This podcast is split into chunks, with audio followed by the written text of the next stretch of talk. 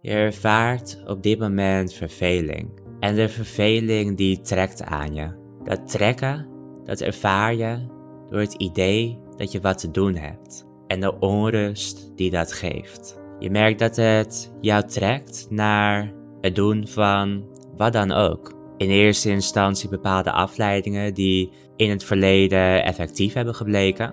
En wanneer je daaraan toegeeft en merkt dat dat ook verveling geeft, spring je over naar elke andere vorm van afleiding. Zolang je maar niet toe hoeft te komen aan die verveling die je ervaart. Want die verveling geeft jou het gevoel dat je levenloos bent. Het geeft jou het gevoel dat jouw bestaan op het spel staat. En het geeft je het gevoel dat je misschien nog wel eens ontdekt hoe saai het leven misschien wel niet is. Waarbij je natuurlijk kosten wat het kost wil voorkomen dat je terechtkomt in die bodemloze put der verveling. Hier loop je met een grote, een hele grote bocht omheen. Maar ergens, deep down, ben je helemaal klaar met de tijdelijke oplossingen die jouw mind jou telkens maar voordraagt. Je hebt eigenlijk niet meer zoveel zin om dit spelletje nog mee te spelen. Prima als dat spel plaatsvindt, maar dan niet langer met jou als betrokken speler daarin.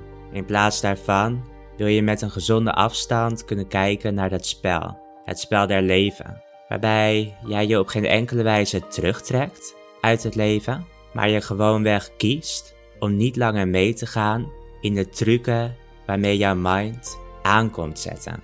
Deze zorgen er namelijk voor dat je blijft gevangen in jouw beperkte zelf, jouw valse zelf. Het zelf wat alleen maar in stand wordt gehouden door jouw geloof en niets meer dan dat. Jouw geloof in jouw gedachten, jouw gevoelens, jouw sensaties, jouw percepties, de hele mikmak. Je bent het zat om steeds weer mee te moeten bewegen, van links naar rechts, van blijheid naar verdriet, van blijdschap naar wanhoop, kortom van positieve ervaringen naar negatieve ervaringen. Je vertrouwt erop en gelooft erin dat er meer is dan dit. Dat er een bepaalde waarheid is die dit alles, het duale karakter van het leven, ontstijgt. Je hebt het gevoel dat de tijd rijp is om onderzoek te doen. Onderzoek naar wie jij werkelijk bent. Jouw ware natuur, jouw heelheid en compleetheid, die besloten liggen in het hier en nu. Je weet dat het totaal onnodig is om na te gaan wat je te doen hebt, om maar gewoon te kunnen zien wie jij in essentie bent. Ergens weet je wel dat het veel meer een kwestie is van het ontdoen, het ontleren. Oftewel het loslaten van concepten, van de verhalen, de ideeën die je hebt met betrekking tot wie jij bent en hoe jij gelooft hoe de wereld in elkaar steekt en de mensen die zich daarin bevinden. Je merkt dat zodra je jouw aandacht verlegt naar ik ben en daarbij de ideeën die naar boven komen met betrekking tot wie jij gelooft te zijn, in het midden laat. Je kijkt ernaar, maar je plakt ze niet vast aan jouw ik ben, dat je je steeds wat lichter begint te voelen. Dat de zwaarte die de verveling met zich meebracht in intensiteit afneemt. En dat de grip die het daarvoor op jou had, langzaam maar zeker begint te verdwijnen. Mocht deze al niet compleet verdwenen zijn.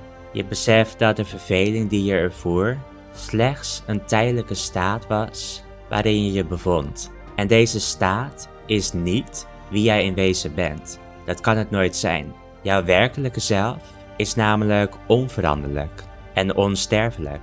In dat onveranderlijke, oftewel jouw zijn, vond voor slechts een moment de verveling plaats. En daar hoef je niks tegen te doen. Je ziet namelijk dat het veranderlijk is, dat het vanzelf ook weer weggaat. Je beseft je dat omdat het plaatsvond in jouw essentie, de ware natuur, dat het jou, je werkelijke zelf, nooit kan grijpen. Grijpen als in laten leiden.